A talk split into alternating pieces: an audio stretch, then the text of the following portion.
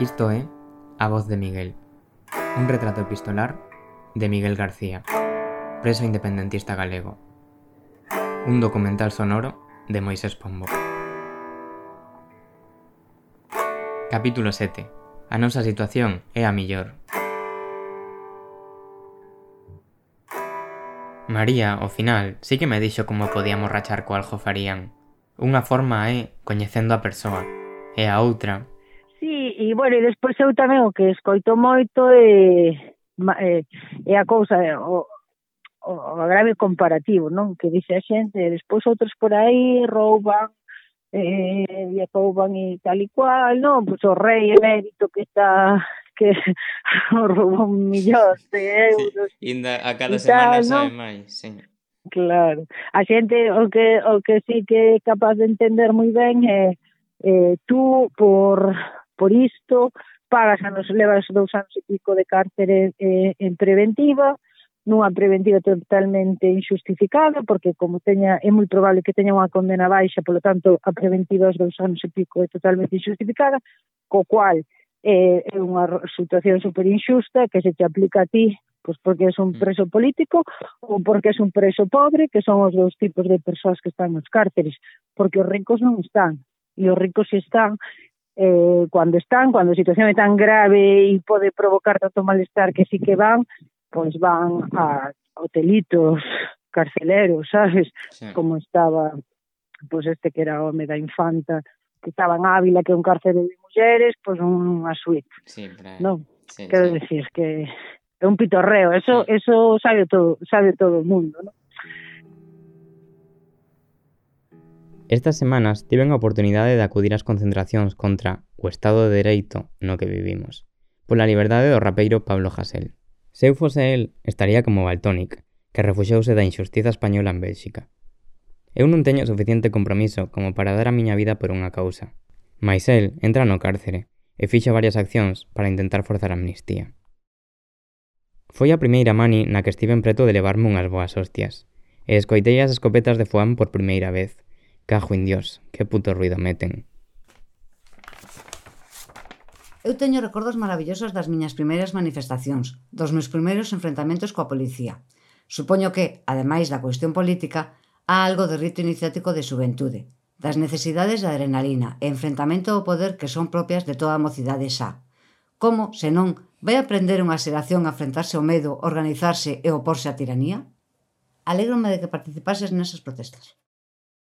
A violencia que ten que escandalizar é a dun Estado que secuestra persoas polo que cantan, e non a dunha xuventude que luita pola liberdade de expresión recurrindo aos métodos con os que se teñen conquistado todos os dereitos civis, laborais e políticos até agora.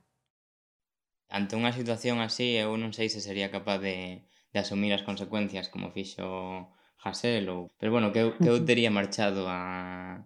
de seguro, marchado a, a Bélxica ou a, ou a por aí. Non sei, claro. Bueno, sempre hai que verse nesa situación diante desa esa posible escolla, ¿no? De fuso para outro país ou tal, pero bueno, a mí tamén me parece durísima a o exilio, pareceme unha posibilidade durísima tamén. Quero dicir, se si tes que escoller a, a non volver a túa terra nunca e irte vivir a Holanda ou pasar cuatro anos no cárcere, eu creo que paso cuatro anos no cárcere, que non, que non botar o resto da vida fora, non? e morrer morrer como morreu Castelao, non, non xe de súa terra. Eso me parece terrible. Xa. Pareceme terrible. Mm. Hai días, e últimamente teño vivido varios, en que este secuestro se fai duro, sobre todo a separación dunha muller a que amo con locura e dun fillo cuxo sufrimento me desgarra. O cárcere faise especialmente doroso para aqueles que estamos cheos de amor á vida, o país e a xente, e por iso moitos presos optan por desligarse do exterior, por non pensar nen sentir o que acontece fora destes muros. Mas eu prefiro que a vida me doia. Dime que a miña vida está chea de cousas valiosas. Prefiro que me doian as pernas de pedalar a ser parapléxico. Este non pode ler. Emociono. que pequeño, non?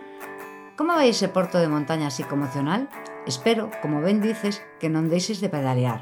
A marcha a que en cada momento sesas capaz, o ritmo que necesites, chupando roda de amigos e familiares. Nunca deixes de pedir axuda, mas sen baixar nunca da bicicleta.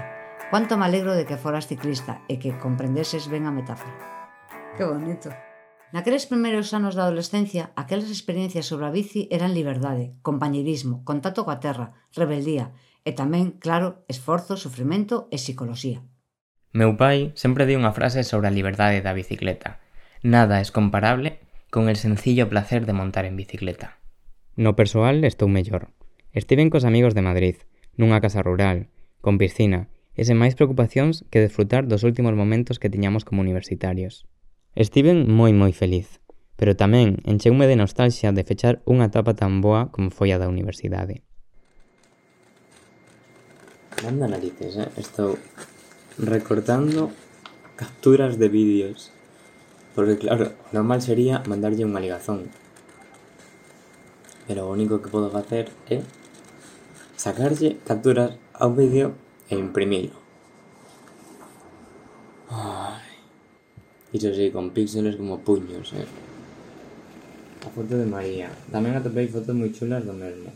Ia imprimir a túa, dixen, seguro que esta falla máis ilusión é a boísima, boísima, boísima o vídeo da, teatro para nenos e isto é un vídeo de 10 minutos o que escachei a río e vexo que estás moi ben acompañado sei que para nenos, mas non poden parar de, parar de rir segunda vez que escoito a túa voz Esto teño que meter no podcast sí ou sí, non sei como. Grazas a páxinas que miran o pasado da rede, recuperei estas fotos. Gosto moito do concepto teatro de guerrilla. Sin, fixen teatro. Non me digas que encontrache grabacións de actuacións miñas. Que vergoña. Quieres verlo? ¿Eh? Quieres verlo haciendo teatro? Ese que es brutal, eh? Enterrou esta cápsula do tempo chea de objetos extrañísimos e andamos procurando o momento histórico este es el... e este é su mujer. Cosas. Por iso, vimos da época dos dinosaurios, fai dous millóns de anos atrás, porque andábamos a procura do animal que produciu esta sustancia. Vienen del futuro y les traen a los niños para saber si saben lo que hay en esa cápsula del tiempo. O sea, todo esto, terrorismo, bandas terroristas, o sea, xa eh, o propio termo terrorismo, pois é o, é o discurso do poder, é o seu relato. Unos señores moi malos, moi asustadores, que, que se meten a terroristas, non se sabe moi ben por qué, porque son malos por naturaleza, ¿no? Eh, e, bueno, eso, é o seu relato. Eh, e despois teñen os medios para difundilo e cando non aceitas e te empezas a, a mover eh, con a perspectiva crítica sobre ese relato e, e a funcionar noutras chaves e a ver outras cousas distintas e tal, bueno, pues te das conta de que a historia contada desde desde unha das, desde unha perspectiva, ¿no? Desde, desde unha perspectiva interesada, claro, porque está non é neste caso eh, unha perspectiva obxectiva. Eh, pensas que paga pena este este tempo, este compromiso? Paga pena en que sentido paga pena? Pois pues claro, para para aos, eh, para os ideais no, e os valores nos que se sustenta agora mesmo a vida, que é o hedonismo e o disfrute inmediato e o consumismo exacerbado, pois igual non vale, vale a pena, pero que nos defendemos uns valores distintos e unha ética distinta e unha maneira de estar na vida distinta, non só porque consideremos que eso é o xusto e o bon, sino porque que tamén sabemos, porque o vivenciamos, que iso te fai estar de outro xeito na vida e ao final con experiencias tan dramáticas somos máis felices e máis e máis temos unhas vidas máis plenas que quen as vive do outro xeito. O sea, é a nosa xeración ten que atender a, a un chamado que quero de que nos, nos están exterminando Nos non podemos garantir que os nosos fillos e que as nosas fillas van poder ser galegas e galegos dentro de 20 anos. É, é, é así de dramático que nos está tocando vivir, entón, Fíxame graza que che sorprenda do reggaetón e que imagines unha prisión con pingueiras, silencios e gonzos de ferro, como nas masmorras medievais. O que caracteriza os módulos de segundo grau das prisións de hoxe é un ruido permanente, un barullo inmenso. Imagina, En cada cela unha radio a todo volume, máis os berros de presos falando de cela en cela, máis as centricidades de cada quen. Xente que grita de raiva, ionquis con mono, presos a bater nas paredes ou nas portas, o que daría eu polo son relaxante dunha pingueira. Cales son os os sons que te acompañan ata, ata escoitar a voz de Miguel? Os sons que te acompañan son as voces de outras mulleres que nunca importa entre nós nesas conversas quais son os delitos de polos que eh, dos que están acusadas ou polo que están presas eh, presos os nosos homens eh, e son un montón de historias bueno, moi dramáticas. Eh, agora estando na lama non tanto, pero estando en Soto eran a maior parte mulleres inmigrantes con unhas situacións de vida terribles. De feito, agora tamén pois estou aí, teño un activismo anticarcelario, que é unha xa desde unha perspectiva, o sea, na defensa non só de presos políticos, senón tamén sociais, e, que, e é así unha conciencia que, que medrou moito en min a raíz de ir visitar o Miguel, porque que te das conta, no, de que do, do, do papel que cumpre o, o cárcere para para soster a miserias que crea o capitalismo, sí. ¿no? e despois, bueno, é, é bonito empatizar e, e sentir como con esas mulleres estás nunhas sendo tan distintas, estás nunha situación tan próxima. Sí. Esas voces se cuadra o, o, o máis alientado, non? Incluso, en certo sentido, a tua situación acabas pensando que, que o sea, pensando, daste conta de que é moito máis fácil que a da maior parte da xente que está ali. No vídeo que fixen sobre a carta de amor, dor e sufrimento, xa dicía... Eh, que sempre me gustou pensar é que se todas as persoas escribísemos nun caderno os nosos problemas, escolleríamos os nosos, de seguro. E eh, ando os problemas do resto escolleríamos os nosos. Cada quen leva, leva a súa festa. Bueno, iso. Que che gustaría que eu contase? Bueno, a mí parece moi bonito si, si o que contas é, é a túa impresión de todo isto. Penso que, que vai ser o máis o máis auténtico e o máis real. Nós somos persoas humildes e honestas, creo que que un pouco o que transmitimos, se non o transmitimos, pois tamén estará ben sabelo, non?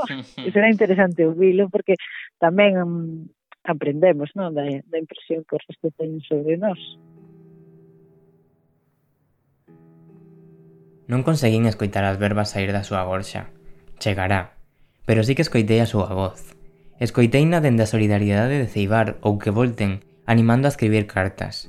Nas pintadas feitas nos muros, nas cancións, nos berros das que nos manifestamos en Compostela, no cariño que desprende a súa compañeira. A historia segue.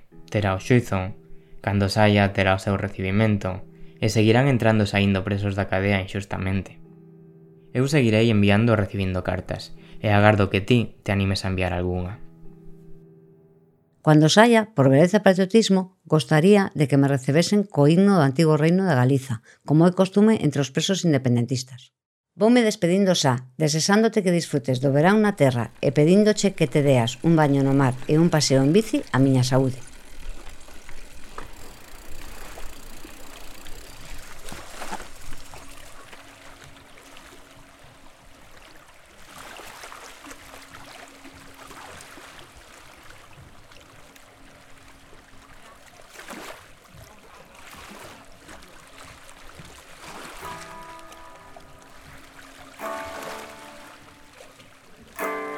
A voz de Miguel é un documental sonoro autoproducido e autoeditado por un servidor, Moisés Pombo.